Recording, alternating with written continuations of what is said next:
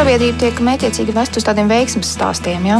Un tikko kā tu neesi tas veiksminieks, mm -hmm. tā ir diezgan grūti ceļš jaunam cilvēkam. Mēs tiekamies ģimenes studijā.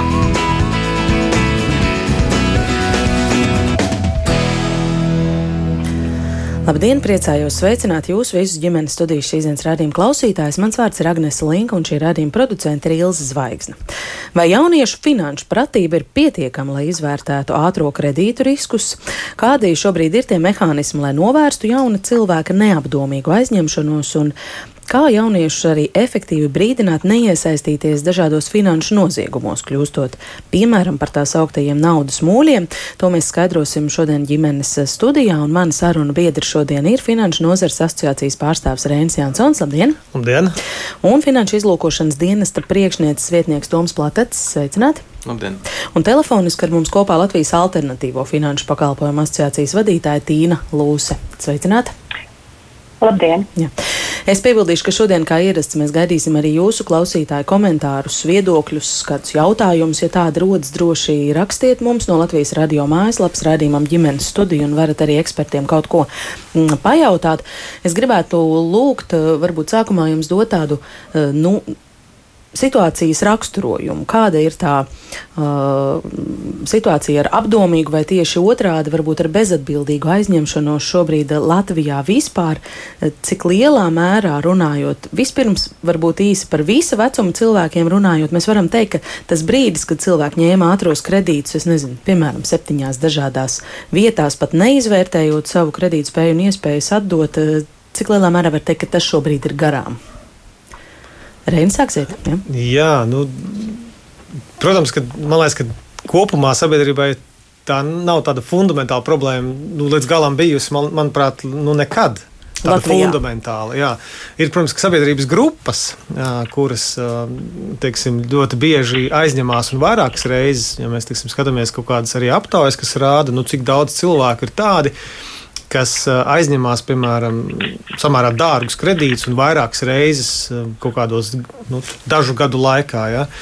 Tāda grupa ir pietiekami liela, bet nu, tas nav tā, tā nav fundamentāla problēma. Ziņā, Pirms to, desmit gadiem man kolēģi analītiskajā žurnālistikā gan to uzskatīja par fundamentālu problēmu un taisīja pētījumus, kas atspoguļoja ļoti skumjas lietas par cilvēkiem. Un, un arī nozara bija daudz sliktāk regulēta. Jūs man neļausiet samalot. Ne?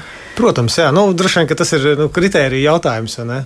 Jā, bet nu, kopumā, kopumā es teiktu, ka tā situācija uzlabojās pilnīgi noteikti. Tas gan ir fakts. Ja? Tad cilvēki paliek prātīgāki. To rāda arī, piemēram, Latvijā tiek veidots tāds finanšu prātības indeks, ne, kas arī mēra cilvēku aizņemšanās, tā skaitā aizņemšanās paradumus. Nu, tā situācija paliek labāka, bet, protams, ka tam, tas ir tādā ziņā likumsakarīgi. Jā, kopumā uzlabojoties ekonomiskajai situācijai valstī, tad, tad kopumā arī šī, šī, šis aizņemšanās problēma jautājums lēnām risinās pats mm. no sevis. Situācija kļūst labāka, paliek labāka pateicoties kam? Tikai ekonomiskajai situācijai uzlabojoties vai arī nozars regulējumam? Gan, gan, protams, ka tas jau tā kā nu, cimds ar roku. Ja? Un, un, ja mēs atceramies kādreiz, kad bija ļoti vienkārši aizņemties un regulējums bija relatīvi zemāks, ja? tad nu, tur 110% aizņēmumu, ja mēs atceramies, bija arī tādi. Ja? Tad, protams, ka nu, aizņemās jebkurš un, un, un, un tā, tā iespēja aizņemties bija ļoti vienkārši. Tagad atkal ir citi draudi, nāk iekšā tehnoloģiskās puses. Un, protams, ka ja iepriekš aizņemties bija sarežģītāk, protams, bija jānāk uz kaut kādu iestādi vai ne. Un, Un šie aizņēmumi kaut kādā veidā jādabū. Tad nu, šobrīd jau ir tas otrs stāsts, ka aizņemties naudu var jebkurā brīdī ar vienu pogas nospiešanu telefonā. Ja? Mm. Tas atkal nozīmē to, ka tai finanšu pratībai vai izpratnē par to, ko tas nozīmē aizņemties naudu, ir jābūt krietni uh, vairāk cilvēka pusē, jo nebūs neviens, kas ar tevi aprunāsies pirms tu ņemsi kredītu. Mm. Nu, pirms desmit gadiem jau arī tas bija vienas izziņas attālumā, piemēram, ja, tur ir SMS. SMS, jā, nu, protams, bet nu, tagad mēs skatāmies mo mobilē telefoni ar viedierīces ir katram kabatā, vai ne, un tad tur tik, tik, tik līdz naudai, teiksim, tas ir ļoti vienkārši un ātri. Tikpat vienkārši. Nu, varētu tā teikt, protams, jā, bet nu, skaidrs, ka, teiksim, īziņās, es domāju, ka tajā laikā arī tas īziņu jautājums varbūt nebija tik. Nu, tik pieejams visiem, kā šobrīd, teiksim, nu, viedās tehnoloģijas, jā, ir pilnīgi, pilnīgi visiem. Mm. Tom ir par šo, kas komentējams. Nu, varbūt pavisam īsi es varu tikai sākt ar to, ka pilnībā piekrītu kolēģi teiktajam. Es gan vairāk laikam liktu to to svaru kausu uz regulācijas pusi un, un vēl vienu pieminētu nevis tā finanšu spēja, bet nevajadzēšana aizņemties, bet arī viss tas, ko mēs piedzīvojām tenīs desmit gadi un līdz šim brīdim. Es domāju, ka maz cilvēkus mēs satiksim pat gribot, kas nebūs dzirdējuši par ātriem kredītiem un arī to negatīvajām sekām. Līdz ar to es domāju, tas arī liek nedaudz padomāt pirms cilvēka aizņemās. Šobrīd tā situācija ir labāka. Viennozīmīgi, viennozīmīgi ir labāka. Tur ir, protams, jāskatās, ja mēs runājam par tādu vidējo latviešu vai vidējo citu valsts iedzīvotāju, kas vienkārši grib aizņemties savam mērķiem, izdzīvot, nopirkt kaut ko, iegādāties, tad tu vairs nevari pat gribot tik neapdomīgi paņemt viņus desmit un, un, un nespēt atdot. Tas uh, fiziski nav iespējams. Šķiet, ja mēs runājam par krāpniekiem, tad jau tā ir cita lieta, kas grib mm. tos kredītus izkrāpt jau no kolēģiem.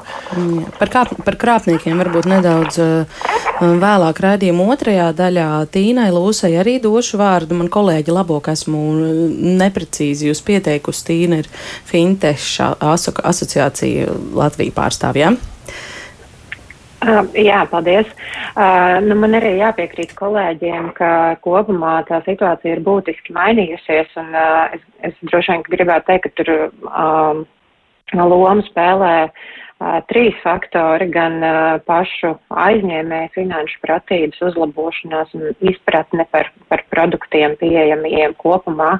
Noteikti arī paši tirgus dalībnieki ir no, stipri auguši un, un uzlabojuši savus procesus. Un trešais faktors noteikti arī ir regulējams un tā skaitā arī datu pieejamība, lai novērtētu cilvēku spēju atmaksāt kredītus. Un, un, un skaidrs, ka salīdzinot situāciju ar desmit gadiem atpakaļ, šobrīd šī joma ir ļoti stingri regulēta gan no, gan no procesa viedokļa attiecībā uz to, kādas prasības ir jāiz, jāievēro, lai novērtētu, vai cilvēks spēs atmaksāt kredītu, gan arī attiecībā uz to, kādas vispār drīkst būt cenas šiem aizdevumiem. Līdz ar to, jā, tehnoloģijas, protams, ir attīstījušās un gan bankas kredītus, patēriņa kredītus, gan, gan nebanku kredītus ir iespējams salīdzinoši ātri saņemt bet tāpat laikā mūsu biedru dati rāda, ka Uh, ir atsevišķi biedri, kuri atsaka kredītu izsniegšanu uh, pat 90% gadījumu. Līdz ar to tā, nu, tā, tas klientu loks ir uh, ļoti kvalitatīvs, kuriem šie kredīti ir pieejami. Un, uh, un arī patērētāja tiesība aizsardzības centra dati, uh, par, par, ja mēs salīdzinām, piemēram, situāciju uh, 2013. gadā un uh, šobrīd par 2021. gadu, uh, nu, tad tas tas eh, kredīta portfelis, eh, skatoties pēc kavētāju skaita, ir, ir būtiski uzlabojies un, eh, un, un faktiski mm, cilvēki, kur šos kredītus aizņemās, spēja viņus atmaksāt ar, no, bez kavējumiem, faktiski vairāk kā 90% gadījumu. Cik pieejami šobrīd ir ātrie kredīti, teiksim, 18 gadus vecam cilvēkam, vai jūs varat paraksturot?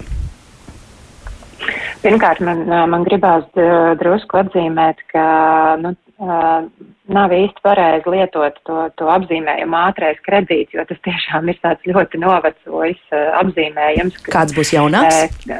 Kas, kas bija raksturīgs tajā laikā, kad šie produkti radās. Nu, ja mēs runājam par ātriem kredītiem, tad mēs varam runāt vienlīdz eh, banku un nebanku nozarē, jo arī banku nozarē patēriņa kredītus arī var aizņemties eh, tikpat ātri. Ja? Bet es eh, drīzāk tad mēs varētu runāt par šiem te distances kredītiem, kas ir, kurus aizņemās nesatiekoties klātienē. Ja? Tas, tas būtu tāds precīzāks apzīmējums. Cik distances kredīti ir pieejami, teiksim, 18-gadīgam cilvēkam Latvijā šobrīd? Uh, šobrīd, uh, protams, ka normatīvie akti neaizliedz izsniegt uh, sākot no 18 gadu vecuma šos kredītus. Atsevišķi tirgus dalībnieki uh, ir ieviesuši savas iekšējās uh, prasības, ka kredīti tiek izsniegti tikai no 20 gadu vecuma, un jaunākām personām uh, šādus aizdevumus neizsniedz. Uh, bet, uh, ja mēs runājam par to, cik tas ir vienkārši, tad tas noteikti nav vienkārši uh, šobrīd uh, no tāda iekšējo procesu viedokļa, jo personai būs jānorāda gan savi ienākumi, gan izdevumi pašai jānorāda, un pēc tam uh, kredīta izsniedzējs uh, iek, kā tajā back office, jeb iekšēnē, uh, veiks vēl pārbaudas. Pirmkārt, uh, tiks veikts pārbaudas, vai, tās, vai tā informācija, ko persona pieteikumā ir norādījusi, atbilst patiesībai. Uh, kredīta izsniedzēji pārbauda šo informāciju valsts ieņēmuma dienestu un uh, valsts sociālās apdrošināšanas aģentūras datu bāzēs. Tad tālāk kredīta izsniedzēja arī pārbauda kredītvēstures datu bāzēs informāciju. Un, piemēram, mūsu asociācijas biedri savā starpā apmainās ar kredīta informācijas birojiem arī ar to informāciju, kuriem, kuriem klientiem ir jau izsniegti kredīti. Līdz ar to redzam arī informāciju par to, nu, teiksim, vai, vai šai personai ir jau citas kredīta saistības. Uh, un, uh, un tad tālāk uh, vēl tiek veikts iekšējais tas skorings, uh, arī dzen, uh, kur, kur tiek skatīts nu, ne tikai tās, tās saistības, kas ir, pie, kas ir redzamas citās datubāzēs vai ienākuma izdevumi, uh, bet uh, faktiski pēc, pēc dažādām vēl citām pazīmēm un kritērijiem tiek novērtētas principā iespējas, ja šo te izsniegto naudu atgūt. Līdz ar to, un kā jau es minēju, tas rezultāts atteikumiem uz šiem te pieteikumiem ir, ir apmēram 90%. Respektīvi tas, ko jūs sakāt, ka kredītspēja tiek daudz rūpīgāk izvērtēta. Jā, jā, jā, tas un... ir tas, ko es tiešām centos iezīmēt, ka tas ir noteikti tāds daudzpakāpju process, kas iespējams tehnoloģisku ie, nu, iemeslu dēļ un tehnoloģisku efektu dēļ viņš notiek diezgan nemanāmi priekš patērētāja un, un diezgan operatīvi, bet uh, tur noteikti ir likumā paredzēti un pašu kredītdevēju ieviesti soļi aizmugurē. Vai tas mums ļauj arī apgalvot, ka cilvēks, kas nespējas uh, aizņēmumu atmaksāt, nevarēs arī aizņemties? Es domāju, ka lielākajā daļā gadījumu, protams, ka jā, nu vienmēr var gadīties kādi nu, nu, izņēmumi no situācijas un, un, un tam līdzīgi, bet lielākā daļā gadījumu noteikti, ka jā, to rāda arī šie, te, nu, arī tāds uzraugu dati par, par, par kredītu portfeļu kvalitāti. Tā kā es domāju, ka nu, mēs diezgan droši varam teikt, ka, ka ka lielākajā daļā gadījumu kredītdevējs pats patērētāju pasargās no, no, no, no neveiksmīgas aizņemšanās. Jā, kāda klausītāja mums raksta, ka radījuma viesi nedrīkstot melot ātros kredītus, joprojām naudu izsniedz minūšu un stundu laikā, bet neviena banka tā nerīkojas. Es versīšos Reini pie jums ar jautājumu, vai atšķiras tie banku un nebanku aizdevēja darbības principi tad šādā gadījumā. Nu, tur laikam jāsaka divas lietas. Viens ir riska apetīte, nu, bankām būs mazāka.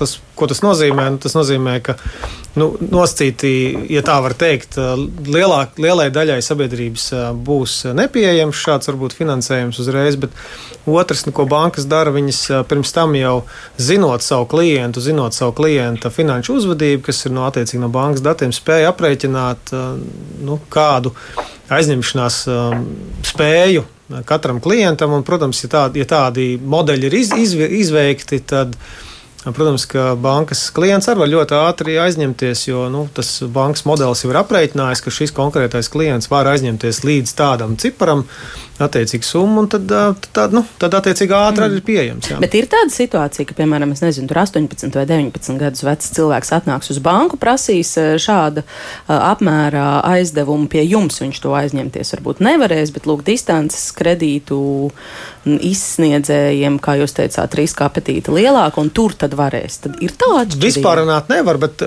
bet, bet tā varētu būt. Jā, nu, tā varētu būt, kad jaunieci atnāk uz banku, bet bankas riska apetīte varbūt nav pietiekami liela, kas spēja, nu, ja tā var teikt, apmierināt jauniešu vajadzību tajā brīdī.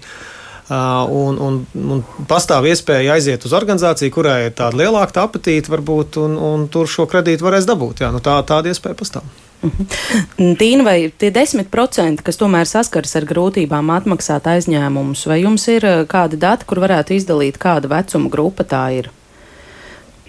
Uh, nē, tāda, tādi dati mums nebūs precīzi, bet uh, pirms šīs sarunas arī jautāju uh, asociācijas biedriem, kāda ir viņu pieredze un ko rāda viņu dati uh, attiecībā uz tieši jauniešu finanšu pratību. Uh, un uh, nu, pēc viņu sniegtajām ziņām viņi neredz, ka tieši jauniešu vidū būtu vērojams kaut kādas pastiprinātas problēmas ar finanšu pratību. Bet es domāju, ka šeit atkal ir jāskatās uh, nu, kompleksi ar, ar to, ka nu, atkal jau šī visa izvērtēšana un, un, un, un kredīta cenas jautājums ir šobrīd nu, ļoti, ļoti stingri noregulēts, un uh, līdz ar to nu, tas, uh, tas dod to kopējo rezultātu. Jā, ģimenes studijai um, savu stāstu uzticēja kāda jauna sieviete. Viņa ir divu bērnu um, mamma, kura pavisam nesen ir izkļuvusi no tāda pamatīga parādu jūga un aizņemties uh, ātros kredītus. Sarunā ar viņu mēs tomēr saucam tos tā. Eh, viņa sāka jau 18 gadu vecumā un atdot aizņēmumus. Viņai tas prasīja 9 gadus, un eh, lūk, viņas pieredzi paklausīsimies. Sākās, kad man bija 18 gadi. Es dzīvoju kopā ar savu bijušo vīru. Es jau laikā biju stāvoklī mūsu pirmo bērnu. Bija kaut kādas situācijas, kur pietrūka, neatceros vai īrē, vai nu, nu, kaut kādiem rēķiniem nauda. Tas bija kaut kāds SMS kredīts. Es neatceros, tā pirmā summa nebija liela, kaut kāda 30 lati vai kaut kas tam līdzīgs.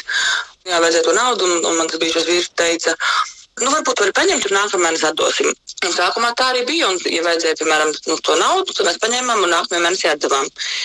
Nu, tad tas radīja to sajūtu, ka tā ir tā vieglā nauda, un ka, oh, ja vajag, tad var paņemt. Un ka, nu, pēc tam jau atdosim, pēc tam jau atdosim. Bet tas strādā līdz vienam brīdim, kad, piemēram, pēkšņi, nezinu, ir kaut kāda slimības lapa vai kaut kāda tāda iemesla, jā, kuru dēļ to naudu nākamajā mēnesī uzreiz nav iespējams atdot. Krājas procentiem, tad tu izdomā, o, oh, paņemsim vēl vienu kredītu, lai nosaktu to pirmo un nu, tam līdzīgi. Sākumā, jā, uz to vienu mēnesi varēja atdot tikai aizņemt. Man liekas, viņiem bija pat reklāmas, tas sauklis tāds Bet viņiem bija tāda opcija, ja tu nevari samaksāt, tad tu vari atlikt to maksājumu par kaut kādiem septiņiem latiem, piemēram, jā, uz vēl mēnesi. Un tas liekas, o, cik labi es varu samaksāt tos septiņus latus, izmet principā izkastē, ja?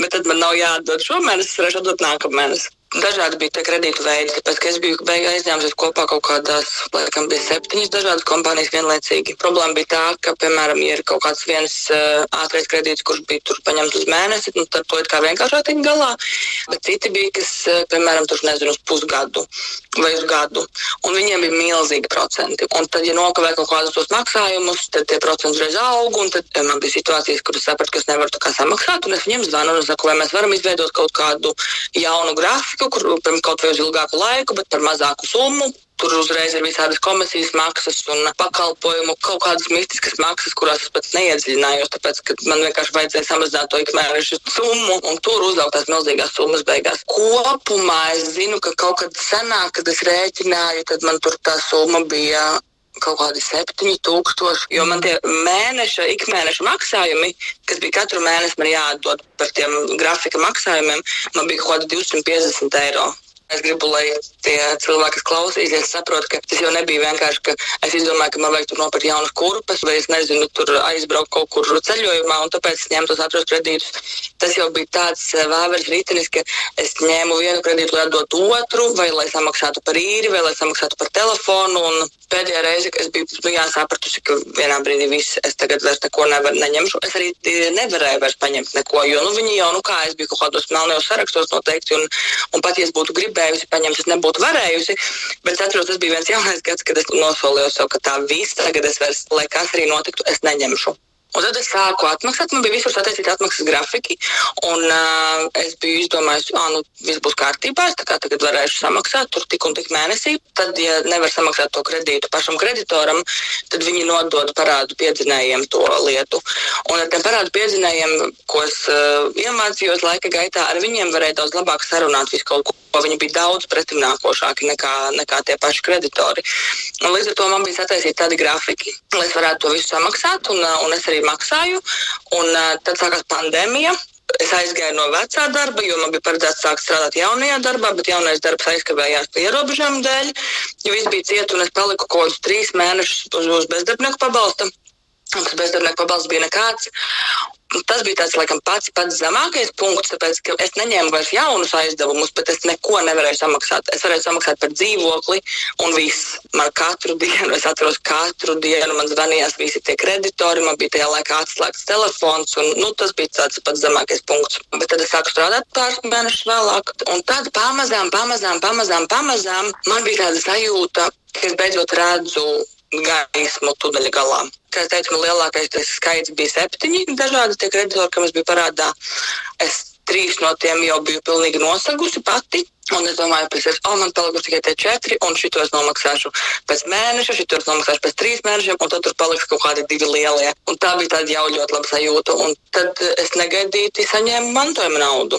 Un no tās mantojuma naudas varēju nomaksāt līdz galam visu. Tas bija pirmais, ko es tajā dienā izdarīju, kad es saņēmu to naudu, atdevu uzreiz visus tos kredītus līdz galam. Es nezinu, cik es būtu tikusi no tā vaļā veiksmīgi, ja man tie apstākļi nebūtu piespieduši tā, ka viss es tagad vairs nevaru paņemt, un man tagad ir tikai jādod. Nu, paņem un aizņemies, un paņem un aizņemies, un viņš kaut ko atdod, un atkal aizņemies, un kaut ko atdod, un kaut ko aizņemies. Tas bija tā kā tāds vāveres ritenis. Nu, nedrīkst 18 gadīgiem vidusskolēniem dot kredītus.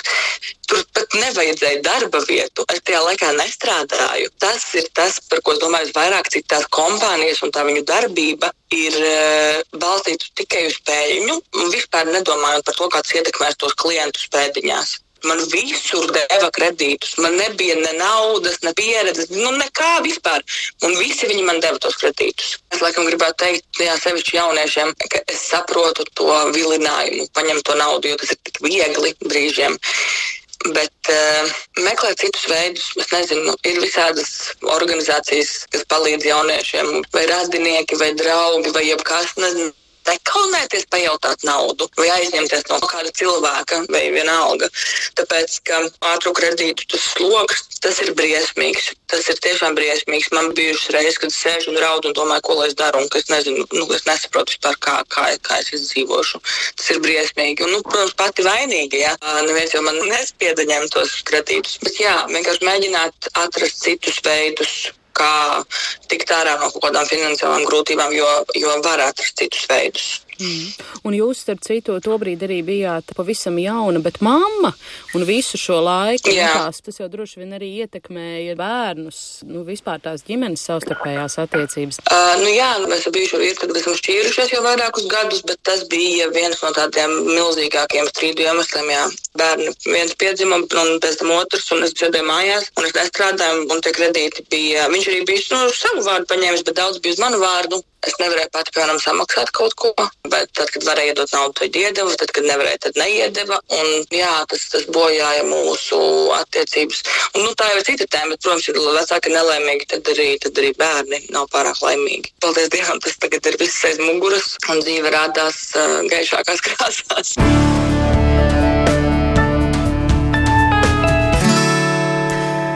Tāds lūk, kādas sievietes stāsts.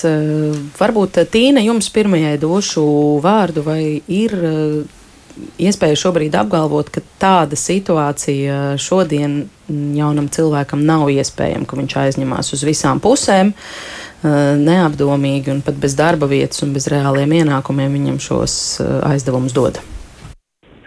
Nu, es domāju, ka tāda situācija tiešām nav iespējama. Es, es drusku nepie, nepiefiksēju, par kuru, kurā gadā nu, tur notika tā, tā aizņemšanās, bet uh, situācija, kurā tiešām bez ienākumiem, reāliem, uh, oficiāliem ienākumiem tiek izsniegts kredīts, nu, nav iespējams šobrīd, jo tas regulējums ir, ir ļoti stipri mainījies, un cik man zināms, arī nozarē tā praksa ir ļoti, ļoti stipri mainījusies kopš tā laika, tāpēc uh, es domāju, ka tāda situācija noteikti nevar vairs rasties.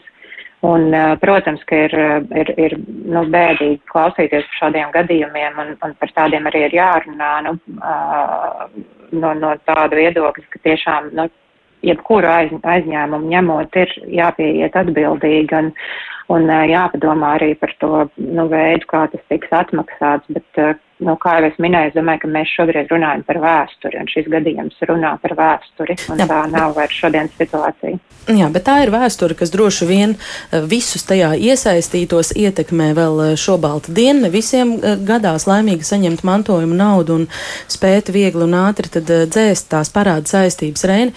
Varbūt ir kaut kas, ko jūs akcentētu sievietes stāstītajā vai par ko domājāt un klausoties šai gan ilustratīvajā piemērā. Šķiet. Jā, diezgan spilgts piemērs, un, un, un, un prieks, varbūt, kad ir izdevies tikt ārā, es zinu, ka varbūt daudziem arī nav tik veiksmīgi tie stāsti. Un, Tā labā ziņa ir tāda, jā, ka, protams, tas regulējums ir nācis tālāk, un arī tā izpratne mums arī nedaudz palielinās.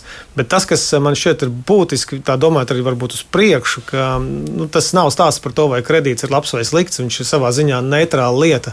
Jā, svarīgi ir, vai tas kredīts tev palīdz un uzlabo tavus dzīves apstākļus vai nē. Jo tas kredīta uzdevums principā ir palīdzēt, nevis ievest tevi kaut kādā purvā.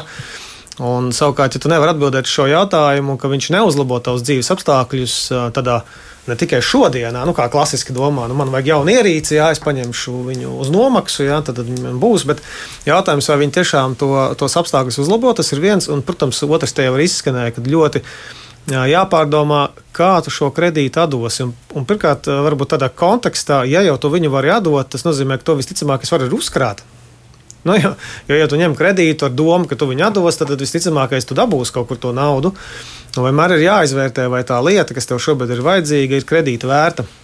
Jā, varbūt ir iespējas nogaidīt un šai konkrētajai lietai neņemt aizņēmumu. Jā, bet, piemēram, ir citas lietas, nu, kā kaut kādas kaut kā lielāka pirkuma, vai arī domājot par jauniešiem un studijām, piemēram, nu, skaidrs, ka uh, tas ir tā, tas ir tā ir investīcija jā, tavā nākotnē, un atkal tas kredīts ir tas, kurš var palīdzēt. Mm -hmm. Jā, Ieva raksta mums 2012. gadā vidusskolu beidzot un uh, sākot studēt pirmajā kursā varēja ņemt ātros kredītus, vienīgi ienākumi bija stipendija, bet piedāvātā summa pārsniedz to uh, vairāk kārta. Kredīts nav ne labs, ne slikts, jūs sakāt, bet uh, vai tie nosacījumi, uz kādiem tas tiek izsniegts, nav ne labi, ne slikti apkalpošanas maksas komisijas un pagarināšanas vai nepagarināšanas grafika un tā tālāk? Un tas katram jāvērtē, jā, vai viņš spēja vai, vai nespēja šo, šos nosacījumus izpildīt, piekrist. Jo vēl ir kāds mīnus, varbūt tāds, kas jāpārdomā par, par dārgajiem kredītiem. Nesauksim ne ātrie, ne, ne lēnie, bet nu, dārgie, jā, kuriem ir liels likums. Kas skaidrs, ka tā, tā riska apetīte nosacīta ir iecenota tajā likmē. Tad, tad netieši sanāk, ka, ja tu ņem dārgu kredītu, tad tu maksā par to, nevis tikai par to naudu, ko tu paņem, bet par to, ka kāds neatdos.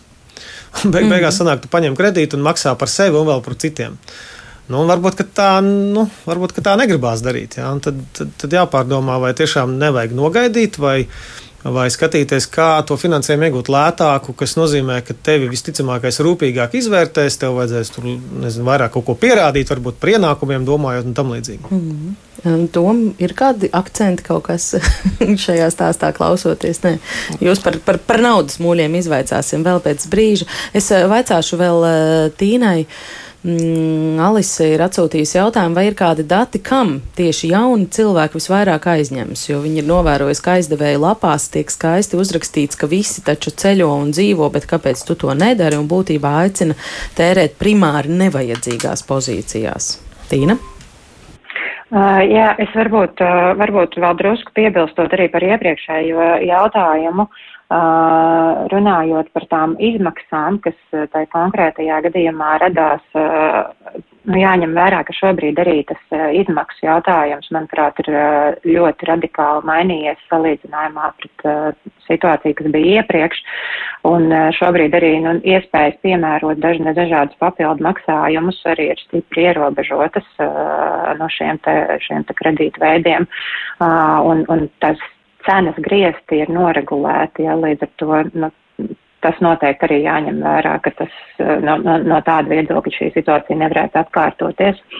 Uh, runājot par to, kam tieši ņem jaunieši, es diemžēl nevarēšu iedot atbildi par, par, nu, par, par, par to, vai, vai tas ir ceļojumiem vai, vai vēl kaut kam citam, jo nav, nav mums, diemžēl, tādi apkopoti dati. Jā, bet te kolēģis studijā saka, nu, ka ir jāizvērtē atbildīgi šī aizņemšanās iespējas, un tāpat laikā, nu jā, tā kā klausītāji novērojams, ka uh, nebanku aizdevējiem var pārmest to, ka tas tiek reklamēts kā kaut kas nu, patīkams un foršs. Kāds tur brīnums, ka, ka jaunam cilvēkam izlasot tādu reklāmu, gribas aizbraukt ceļojumā, un tad tas jau mēs eh, nonākam pie tās finanšu pratības, pie tā, vai es spēju izvērtēt, um, saprast, vai tas man šobrīd ir nepieciešams vai nav nepieciešams, Ceļojums. vai arī nespēju. 18 gadu vecumā es ieraugu kaut ko vilinošu, labu piedāvājumu. Jā, nu, man liekas, ka ceļojums noteikti ir tā kategorija, kur aizņemties nevajag, lai brauktu ceļojumā. Tad, tad ja tu nevari atļauties ceļojumu, tad nebrauc, bet krāj. Es domāju, ka tas ir nepareizi finansēt ceļojumu no, no, no kredīta. Mhm. Jautājums, vai 18-gadīgs prāts to spēj izsvērt? Nu, 18, protams, un, un, un tas, ir, tas jau ir cits stāsts par to, kādā veidā mēs rūpējamies par to, lai 18-gadnieks uh, spēj šo izsvērt. Un, nu, viens, protams, virziens ir skolas, un otrs ir ģimene. Uh, Jā, nu, protams, ka ģimenēs arī kapacitāte nereti ir ierobežota, jo arī mhm. vecākiem klibo šīs finanšu zināšanas, bet, bet arī ir ļoti daudz ģimenes, kuras varbūt šo jautājumu ne, nu, neap, nepārunā ar jauniešiem un nerisina. Līdz ar to tad, nu, tur neveidojās arī tā, tā izpratne jaunietim. Bet arī skola, protams, ir nedaudz varbūt, satraucoši arī tas, ka, piemēram, ekonomika nu, vecajā sistēmā bija izvēles priekšmets, jaunajā faktiski tiek vispār mazināta jā, un, un aizstāta ar vēsturi, ja tā vienkāršot var teikt.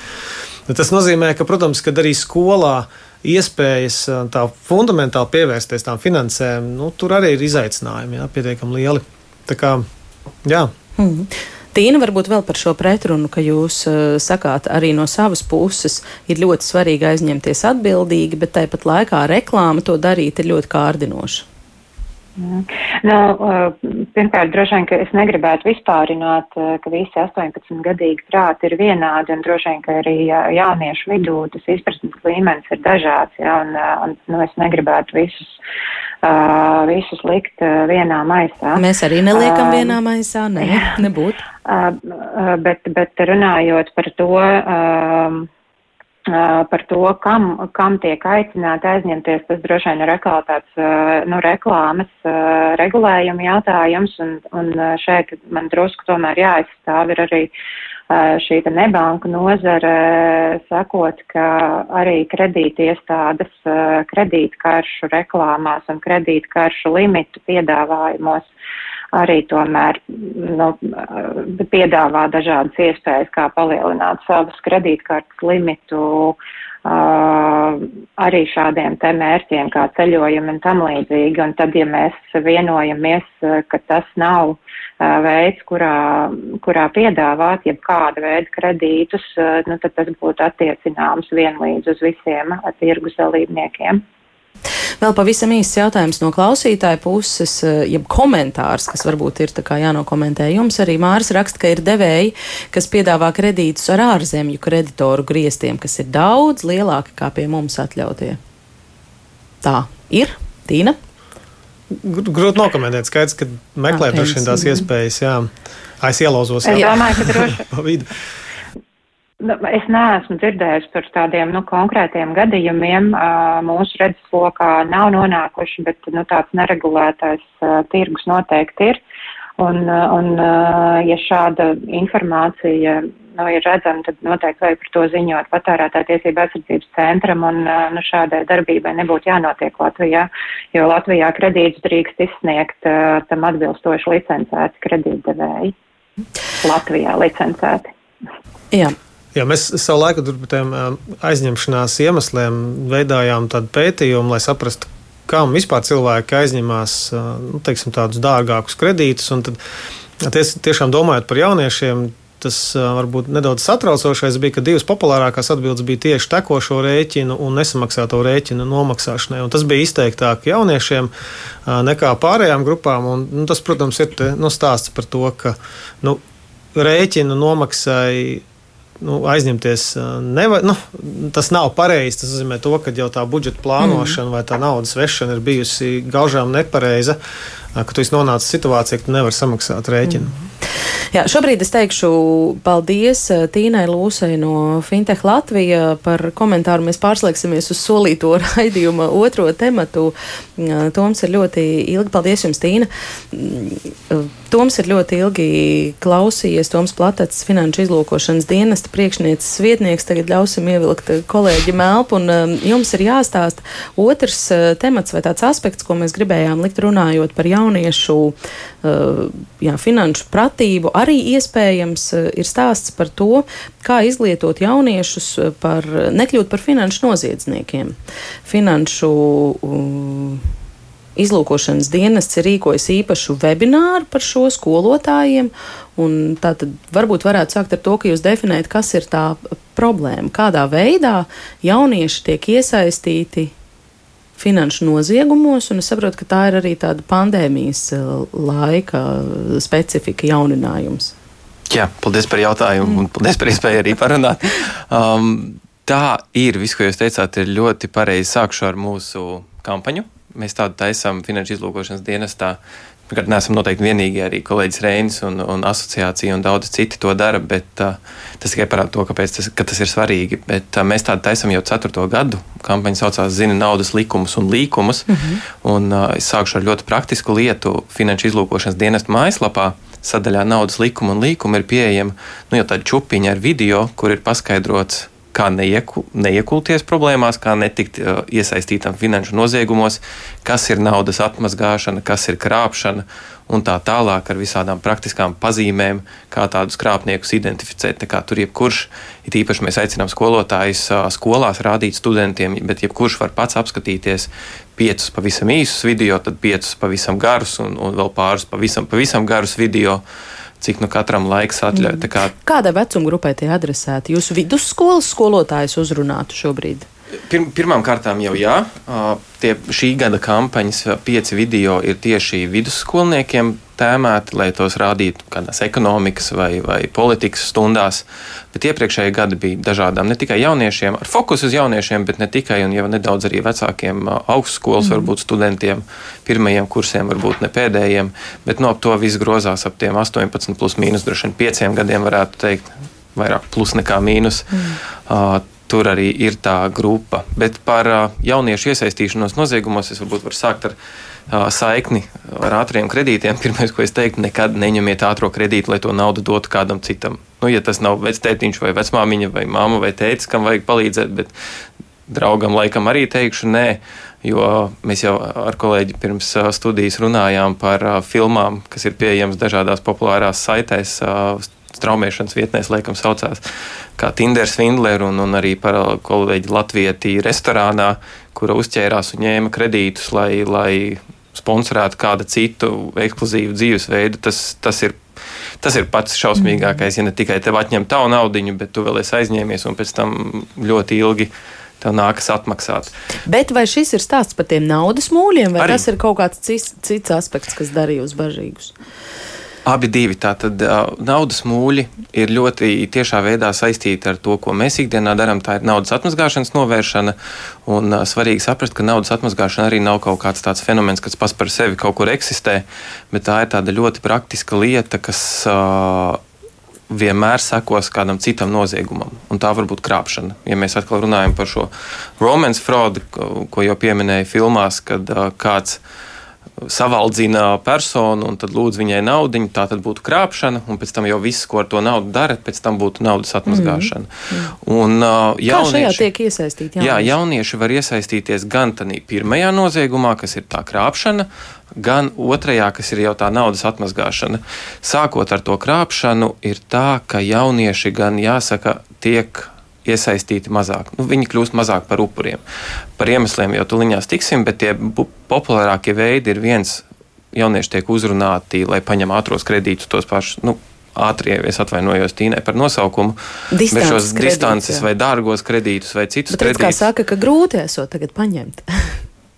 grūti Nevajadzētu būt ir, iespējams. Bet tas var notikt arī persona, kur ļoti labi var atmaksāt to kredītu, mm. un viņa tā viņa tiek apmuļķota, apmānīta, viņa šo kredītu paņem, kaut vai varētu nu, atmaksāt, atdot kādam citam, un tātad krāpniekam, un pēc tam jau kaut vai atmaksāt var, tāpat tā nauda ir pazaudēta. Um, Otrs veids, kā jaunieši iesaistās tātad naudas atmazgāšana, ir tas naudas mūļu fenomens, kad jaunieši tiek uzrunāti tagad jau ne, neiedomājamos veidos, ar īsiņām, ar, ar komentāriem, vis kaut kur. Um, lai kļūtu par naudas mūļiem, to parasti tā nesauc, to sauc par vieglu peļņu.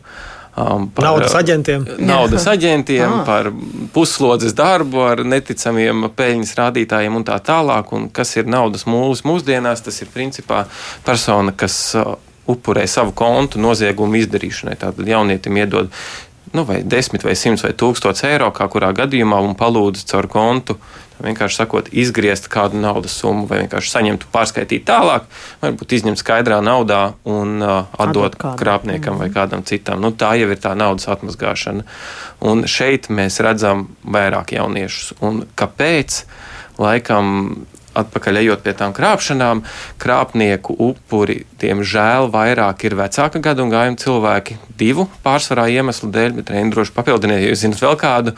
Um, pirmais ir tas, ka viņiem ir vairāk naudiņas, ir uzkrājumi, vai pensijas, vai ne vēl pensijas, bet dzīves gaitā veiktie uzkrājumi. Un otrs ir uh, valodas prasmes tādā kontekstā, ka šobrīd vis, visizplatītākais šis krāpšana veids ir tās telefona krāpšanas, kad zvana, uzdodas par bankas darboni un uh, lūdzu, izkrāpt, uh, lūdzu pārskaitīt naudu, vai tur bankas pieejas vai kā citādāk. Nu, galvenais mērķis tā tad ir izkrāpt šo naudu. Un uh, šo, šos noziegumus, kā mēs redzam, organizē lielākoties krāpnieku grupējumi no NVS valstīm kas tad attiecīgi runā krievu valodā, un tad viņu mērķi Ar arī ir krieviski. Gada gājums, kas, jā, jā, jo jaunieši cilvēki, daudz mazāk. Bet mēs pie tiem jauniešiem. Jā, jā, bet tas ir tiešā veidā, tātad šis ir tas primārais jā. noziegums, jūsu vec, vecvecāki tiek apkrāpti, un pēc tam jau jaunieci izma, izmantos, lai to naudu atmazgātu, proti, sarautu šo ķēdi starp krātnieku un, un uh, noziegumu.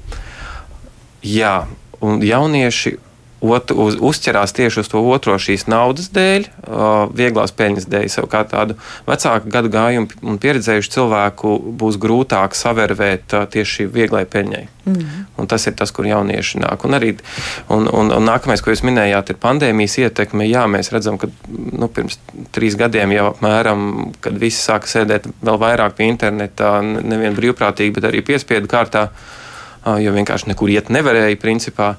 Um, daudz vairāk uzdarbojās šie krāpnieki. Pirmkārt, viņi nevarēja tik klātienē, tik viegli krāt, klāt, jo ja mēs atceramies, varbūt 10, 15 gadus atpakaļ bija tāds fenomens, ka bankomātiem lika virsū tādas ierīces, kas kopēja kartes vai nozaga kartes vai karšu datus nolasīja. Nu, jā. tas pandēmijā vairs nestrādā, jo skaidru naudu principā neviens nevarēja jā. dabūt no mājām vakarā ārā, nedrīkstēja iet. Līdz ar to bija jādomā krāpniekiem citi veidi, un, un, un tas noveda pie interneta un šī jaunā pikšķerēšanas fenomena, telefonu krāpšanas fenomena un, un tā tālāk. Un, un, jā, tas ir tas. Par šiem naudas mūļiem runājot, varat atklāt, cik tādu gadījumu ir bijis, nezinu, apkopot datu par 20. un 21. gadu varbūt Latvijā? Gadījumu skaitu ir ļoti grūti pateikt, bet mēs redzam, ja mēs runājam tieši par pieķerto, es nezinu, novēroto. Um, man nav viens cipars galvā. Es varu pateikt, ka no tā, ko mēs saņemam, finanšu izlūkošanas dienas saņem aizdomīgi darījuma ziņojumus no bankām, no citiem subjektiem, bet nu, šī gadījumā lielākoties no bankām ir būtiski, un mēs redzam, ka jaunieši 18 līdz 25 gadi uh, ir tas procents, cik viņi ir iekļauti šajos ziņojumos. Tas nenozīmē, ka viņi ir šie sliktie. Viņi var būt arī šis naudas mūlis, kas mm. ir uh, izmantots, um, ir pieaudzis šķiet no 10 līdz 30 procentiem no visiem ziņojumiem. Mm. Kas būtu tas, ko jūs ieteiktu, kas man, kā mammai, piemēram, ar savu pusaudzi 16-gadīgo būtu jāpārrunā, ka tāda situācija var būt, tāds piedāvājums var nākt, kāpēc to nedarīt? Nu, nu, primāri par to, ka nauda kokos neaug. Es domāju, nu, tā ļoti vienkārši es pateicu, bet nu, nu, tas arī tas, uz ko jaunieši iekrīt, jo viņi ir vislielākajā finanšu badā ja mēs skatāmies no visiem cilvēkiem, jo viņiem vēl visticamākais vai nu nav darbs, nu, vai nu viņi tikai sāk iekārtoties, un līdz ar to viņiem ir daudz vajadzību, bet maz naudas. Un pasaules piedāvājums ir tik plašs. Jā, un, visam, un, tieši tā, un plus vēl visticamākais arī lielai daļai jauniešu, nu, vēl nav augstākās izglītības, jo viņi attiecīgi vēl nav tajā procesā vai vispār vēl nemācās. Un, Nu, teiksim, līdz ar to tad, tam krāpniekam nosacīti ir vieglāks mērķis. Tas ir lētāks resurss, kur izmantot par naudas mūli, un viņi arī ir atsaucīgāki nojaktēt šīs naudas bada, nu, izmantot šo. Nereti pat jaunieši nezina, ka viņi to dara. Viņi nu, neapzinās. Daži apzinās, daži neapzinās. Un, un līdz ar to iekrīt šajās schēmās. Nu, ko darīt? Jā, atgriežoties pie, pie, pie ģimenēm. Nu, protams, to arī teikt, ka, ja tev kāds piedāvā darbu, kurā tev saka, ka tev nevajag nekādas iemaņas, bet mēs tev par to maksāsim, nu, tad visticamākais tur kaut kas nav kārtībā. Jo, nu, nu, kāpēc tev maksāt par to, ka tu neko nedari? Un, un ļoti bieži tie, gan tie darba sludinājumi par, par naudas aģentiem un līdzīgiem, gan arī dažādi Facebook uh, ieraksti, kur aicina pieteikties jaunieši vai izziņās. Mēs nesen vienu grupu saņēmām ārzemēs, visi vienlaicīgi telpā vienu un to pašu izziņu par to, ka nāca strādāt. Nu, nekas nebūs jādara, vajag tikai kontu bankā klasiski, un, un tev būs brīnišķīgi ienākumi. Ja?